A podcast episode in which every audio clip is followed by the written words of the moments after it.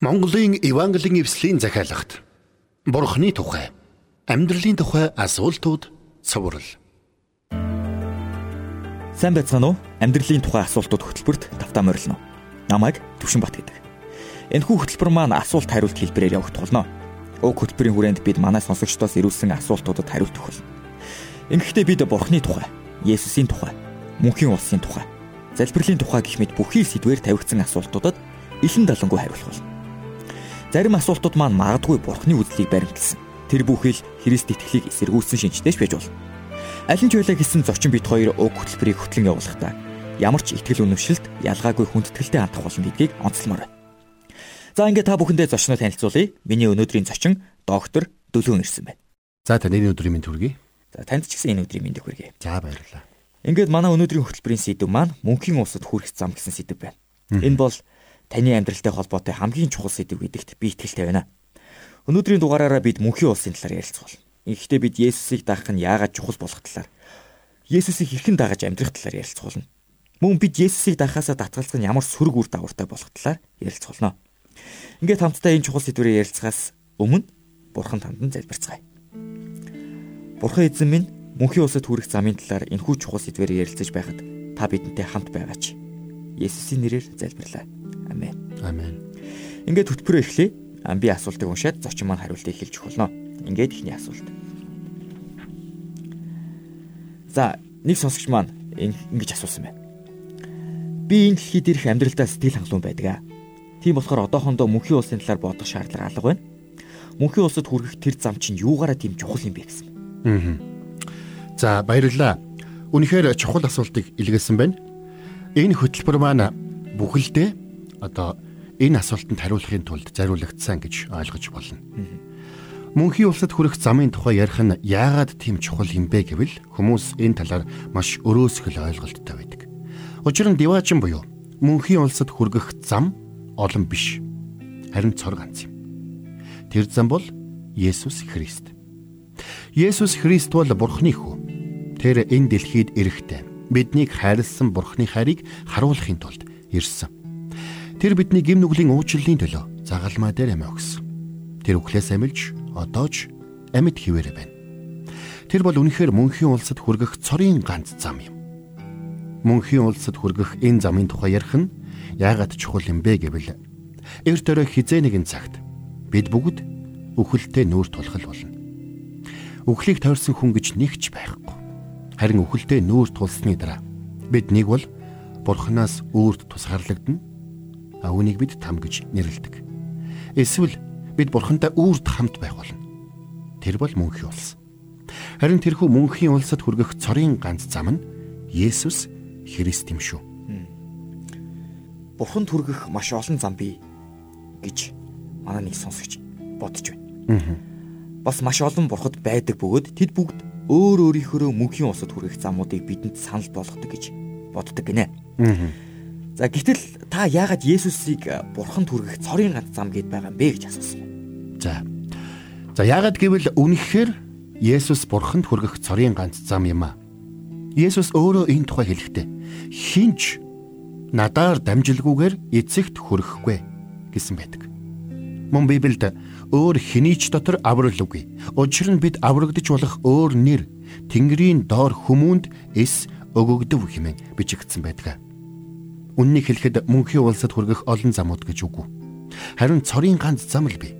Энэ бол зөвхөн Есүс Христ юм. Зөвхөн Есүс Христээр л бид гим нүглийн уучлалыг хүлээн авч мөнхийн амийг олох боломжтой юм шүү. Зөв сайхан амьдрахыг бүхий л амьдралынхаа туршид хичээсээр ирсэн хүмүүс байдаг. Үүнийхэн төлөө диваажинд оруулна гэж байх уу? Ингиж бодох нь зөв үү? За харамсалтай нь үгүй. Деважинд буюу мөнхийн улсад орох хэсэг нь бидний өөрсдийн хэр сайн амьдрснаас шалтгаалдаг. Харин зөвхөн Есүс Христийг аврагчаа болгон хүлээн авснаар бид мөнхийн улсад орох боломжтой юм. Библиэд энэ тухай хэлэхдээ Тэр биднийг зөвхт байдлын дотор хийсэн үйлсээр минь бус харин өршөөлийнхөө дагуу шинтгэлийн угаал ба ариун сүнсний шинчлэлээр аварсан юм гэсэн байдаг. Мөн өөр нэгэн хэсэгт бид бүгд бузар хамаг зөвхт байдлууд маань бохир хувцас мэд гэсэн байдаг. Мэдээж зөв сайн амьдралаар амьдрах нь сайшаалтай хэрэг. Бид аль болох л зөв амьдралаар амьдрахыг хичээх хэрэгтэй. Гэхдээ энэ нь биднийг мөнхийн улсад аваачихгүй гэдгийг бид ойлгох хэрэгтэй. Зөвхөн загалмай дээр амиа өгсөн Есүс Христийн цусаар дамжуулан бид гэм нүглээ уучлуулж мөнхийн амийг хүлээн авах боломжтой юм шүү. Тэгэхээр манай нэг сонсогч ингэсэн байна. Мөнхийн ус гэдэг газар байдаг гэдэгт би итгэхгүй байна. Хэрвээ хүн өөхөх юм бол тэр нь тухайн хүний төгсгөл болдог. Түүнээс цааш ямар нэгэн зүйл бий гэдэгт итгэхгүй байна гэсэн. Энэ талаар тайлбарвал. За өөрийн үжил бодлыг бидэнтэй хуваалцаж асуулт ирүүлсэн энэ хүнд баярлалаа. Бурхны үг бол үнэн. Харин тэр үнэн үг нь үхлийн дараах амьдралын тухай өгүүлсэн байдаг. Өөрөөр хэлбэл там болон мөнхийн улсын тухай өгүүлсэн байдаг. Тэр тусмаа мөнхийн улсын тухай Библиэд маш олон удаа өгүүлсэн байдаг. Библийн нэг хэсэгт мөнхийн улсад байхгүй зүйлсийн тухай өгүүлсэн байдаг. Тэнд ингэж бичигдсэн байна. Тэр тэдний нүднээс нулимс бүрийг нь арчина. Тэнд цаашид үхэл гэж байхгүй. Гашуудах, уйлах, өвдөх гэж үгүй болно. Учир нь анхны юмс өнгөрөн оджээ. За мөн Библиэд хүн ганц удаа үхэж дараа нь шүүгдэхээр товлогдсон гэсэн байдаг. Үнэхээр үхлийн дараах амьдрал гэж бий. Мөнхийн улс гэж үнэхээр бий. За хэрвээ би Есүст итгэж, Есүсийг дагахаар шийдвэл гэр бүлээсээ Есүст итгэсэн цорын ганц хүн болох болно. Тэгвэл би гэр бүлээсээ хөөгдөж магадгүй байна. Энэ тохиолдолд би яах ёстой вэ гэсэн сонсогч юм асуулт. Аа. За өөрийн нөхцөл байдлыг шударгаар хуваалцсан танд баярлалаа. Хэрвээ та үнэхээр Есүст итгэж түүнийг дагахаар шийдвэл таны бодож байгаа зүйл үнэхээр биелэлээ олох магадлал маш өндөр. Өөрөөр хэлбэл гэр бүлийнхэн чинь таныг хавчин гадуурхах боломжтой гэсэн үг. Өөрөөс нь болоод гэр бүлүүд хагаралдан хуваагдах болно гэдгийг Есүс өөрөө ч мэдэж байсан. Тиймээс тэр намайг газар дээр инх тайвныг авчирхаар ирсэн гэж бүү бод. Би инх тайвныг бус харин ил давчрахаар ирсэн. Хүүг эцгийнх нь эсрэг, охиныг ихийнх нь эсрэг, бэрийг хадам ихийнх нь эсрэг болгохын тулд би ирсэн. Хүний дайсан нь гэр бүлийнхэн нь болно гэсэн байдаг. Есүс мөн цааш нь үргэлжлүүлээд эцгээ юм уу ихээ надаас илүү хайрлагч нь миний хувьд зохистой нэгэн биш. Хүүг эсвэл охино надаас илүү хайрлагч миний хувьд зохистой нэгэн бишээ Загалмайгаа авалгүйгээр миний хойноос дагагч нь миний хувьд зохистой нэгэн биш. Амиа ологч нь түүнийгээ алдах болно. Миний төлөө амиа алдсан нь түүнийгээ олох болно гэсэн юм. Тантай адил ийм хэцүү байдалд орсон хүн олон бий. Есүс өөрөө ч ийм байдалд орж байсан. Есүсийн гэр бүлийн зарим хүмүүс хүртэл түүнд итгэхээс татгалзаж байсан юм. Тэр битгий хэл тэдний зарим нь Есүсийг ухаан мэдэрлээ алдсан хэмээн зэмлж байсан. Энэ тухай Библиэд бичигтэй. Тэр ухаан мэдэрлээ алджээ гэж тэд ярьсан тул хамаатнууд нь үүнийг сонсоод Есүсийг авчирхаар явв гэсэн байдаг. Гэвч Есүс болон түүний гэр бүлийнхний түүх аз жаргалтайгаар төгссөн юм. Есүсийг үхлээс амилсны дараа тэд бүгд Есүст итгэсэн юм. Учир нь энэ тухай Библиэд хэлэхтэй. Хэсэг эмэгтэйчүүд Есүсийн их майр болон түүний дүү нартай тэд нэг санаагаар байнга өөрсдийгөө залбиралд зариулж байлаа гэсэн байдаг. Мөн Есүсийн дүү болох Яаков анхны чуулганы удирдагч болсон байдаг. Үнэн дээр бүхий л түүхийн туршид хүмүүс гэр бүлээ сонгох уу эсвэл Есүсийг сонгох уу гэсэн сонголтын өмнө ирсээр байсан юм. Тиймээс Бурхан таныг удирдах, Есүсийг дагах шийдвэртэй бат зогсоход чинь туслана гэдэгт би итгэлтэй байна. Та гэр бүлийнхнийхээ өмнө бурханлаг бөгөөд баяр хөөртэйгээр амьдарч Есүс үнэхээр бодтой гэдгийг тэдэнд амьдралаараа гэрчлэн харуулж чадна. Та бас гэр бүлийнхнээ бурханд даатгаж тэднийг ч бас Есүст итгэхийн төлөө тууштайгаар залбирэн гуйгаарай. Гимнүглийнхээ өөрчлөлийг бурханаас хэрхэн хүлээж авах вэ? Есүс бидний амьдралд хэрхэн орж ирдэг юм бэ? За бурхнаас уучлал өршөөлийг хүлээж авахын тулд бид гим нүглээ гимшиж, ёрын муугасаа эргэх ёстой. Мөн Есүс Христийн загалмайн үйлсийн улмаас гим нүглээ уучлуулж, бурхнаас авралыг хүлээн авна гэдэгт бүрэн итгэх хэрэгтэй. Библиэд хэлэхдээ харин өөрийг нь хүлээн авсан болгонд өөрийнх нь нэрэнд итгэгчдэд тэрээр бурхны хүүхэд болох эрхийг өглөө гэсэн байдаг. Тиймээс та гимшил болон итгэл дотроос Есүс рүү эргэж түүнд итгэвэл Бурханаас гим нүглийн уучлалыг хүлээн авах болно. За манай нэг сонсогч ирвсэн. За сэтгэгдэл байна. Аа. Таны ярьсан ярьдаг бүхэнтэй санал нийлэхгүй байна. Миний амьдралд бурхан хэрэггүй. Би Есүсийг бурханы хүү гэдэгт итгэхгүй байна. Надад уучлал өршөөл хэрэггүй. Би өөрийнхөө хүснээр амьдрах болно.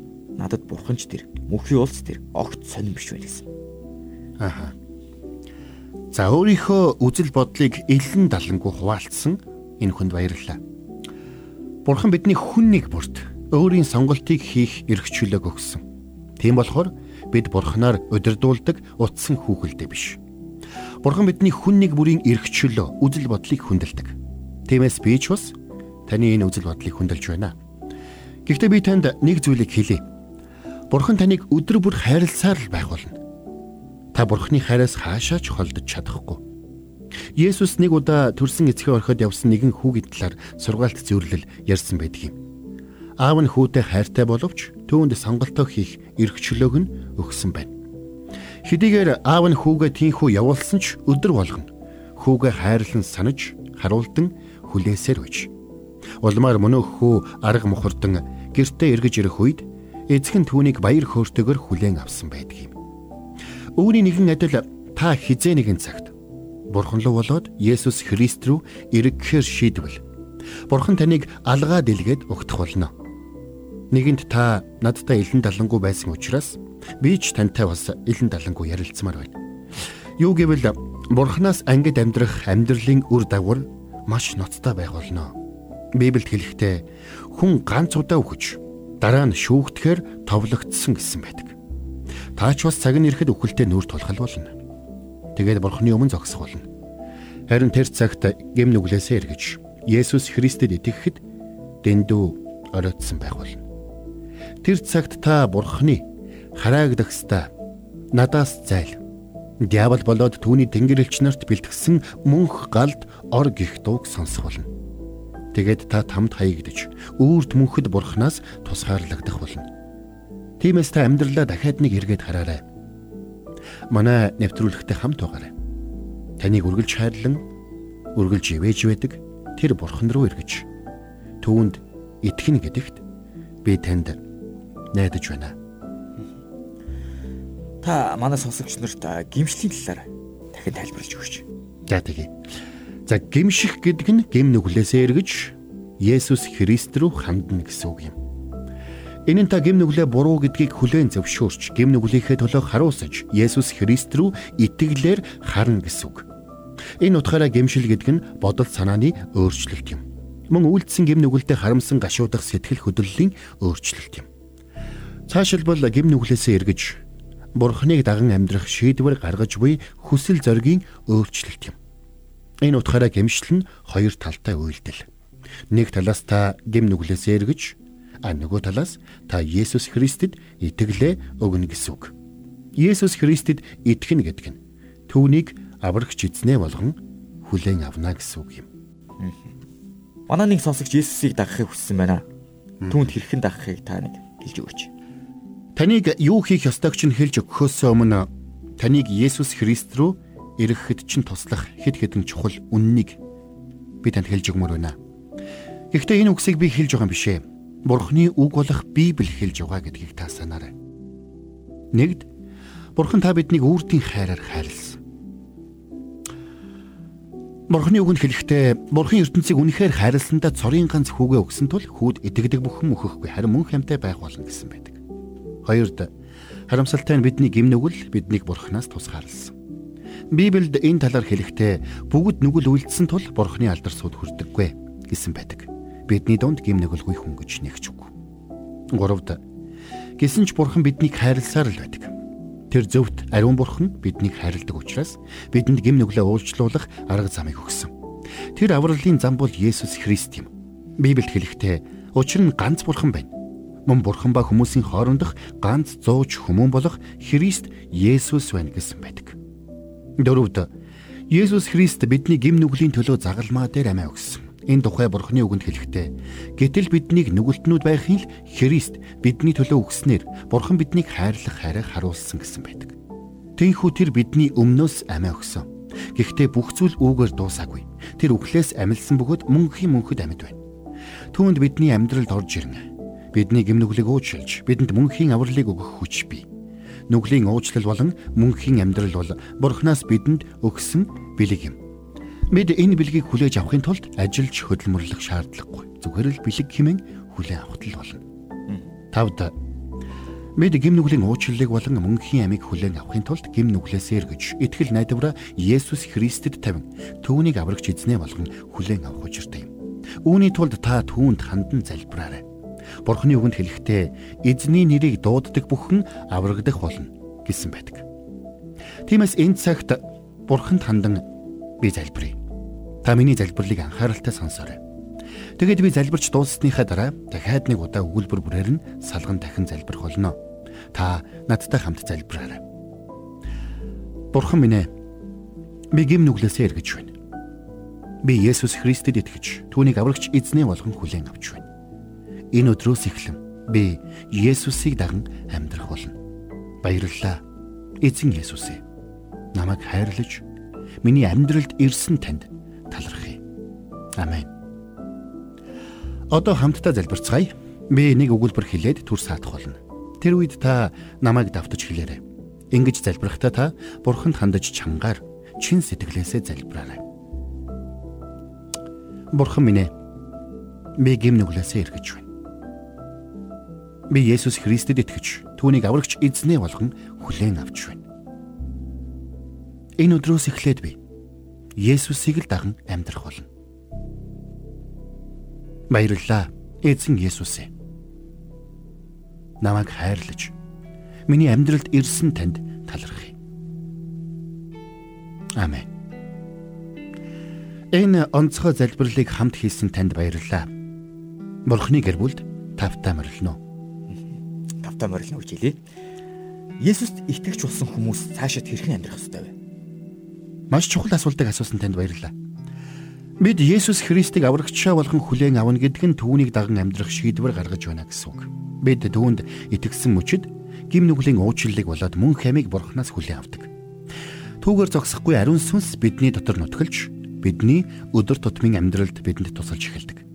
Учир нь бурхан биднийг Есүс Христэд итгэх итгэл дотор ямагт өсөж байгаасаа гэж хүсдэг. Христэд итгэгч бидний хувьд итгэлээр өсөх нэгэн чухал арга зам бол залбирал юм.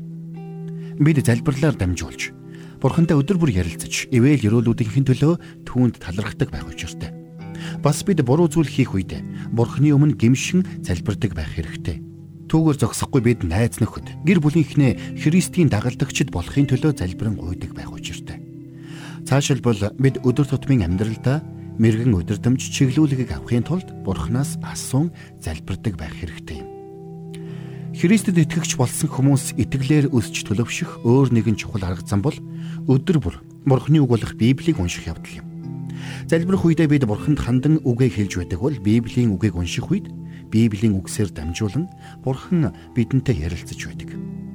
Бурханы үг биднийг итгэлээ өсгөхөд туслаа зогсохгүй. Өдөр тутмын амьдралдаа хэрхэн зөв амьдрах заавар зөвлөгөөг бидэнд өгч байдаг.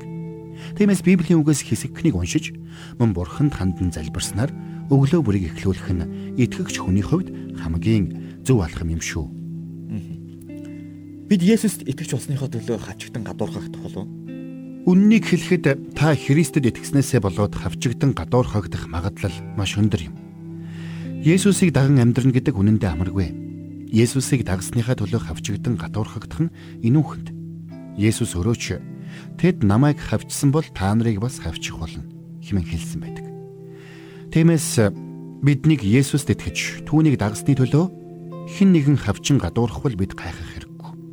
Гэхдээ эзэн Есүс өөрөө бидэнд ийхүү сануулсан байдаг. Зөвхт байдлын төлөө хавчигдагсад ерөөлтэйе. Тэнгэрийн хаанчлал тэднийх юм надаас болж та нарыг хүмүүс доромжилж, хавчиж, та нарын эсрэг зүсэн бүрийн ёрын юм худлаар ярихад та нар ерөөлтэйе. Тэнгэр дэх шагналч нь агуу учир баярлцгаа. Мөн хөөрөн баясацгаа. Учир нь та нараас өмнө байсан иш үзүүлэгчдийг тэд ийхүү хавчсан юм. Хэдийгээр биднийг итгэлийн маань улмаас хавчин гадуурхаж болгоч Есүсийг даган амьдарч буй бидний амьдралд хайр болон уучлал ноёрхож байх учиртай.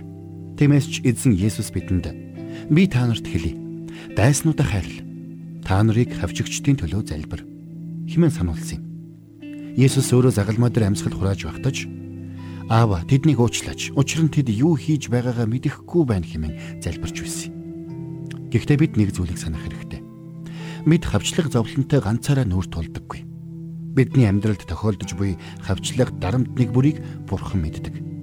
Түүгээр зогсохгүй. Тэр үргэлж бидэнтэй хамт байж бидэнд тусалж байдаг. Тиймээс ч Бурхан бидэнд би чамайг хизээж орхихгүй. Мөн чамайг хаяхгүй гэж амласан. Бидний амьдралд буй түүний амьд оршихуйн улмаас бид итгэлтэйгээр Эзэн миний туслагч. Би айхгүй. Хэн надад юу хийж чадах вэ хэмээн тунхаглаж чадна. Тиймээс Есүсийг даган амьдрах итгэлийн амьдралын чинь өдөр хоног нэг бүрийг Бурхан ивэж ерөх болтугай. Маш баярлалаа. Баярлалаа. Өнөөдрийн хөтөлбөр маань энэ хүрээд өндөрлөж байна. Биднийг хүлээн аван сонссон сонсогч танд маш баярлалаа. Та бүхэн манай амьдралын тухай асуултууд хөтөлбөрийн дараа дараагийн дугааруудыг таалан сонсоорой. Монголын Евангелийн эвслийн захиалагт Бурхны тухай, амьдралын тухай асуултууд цоврал. Цоврлын талаар асууж тодруулах зүйл байвал 8085 99 тэгтэг дугаард холбогдоорой.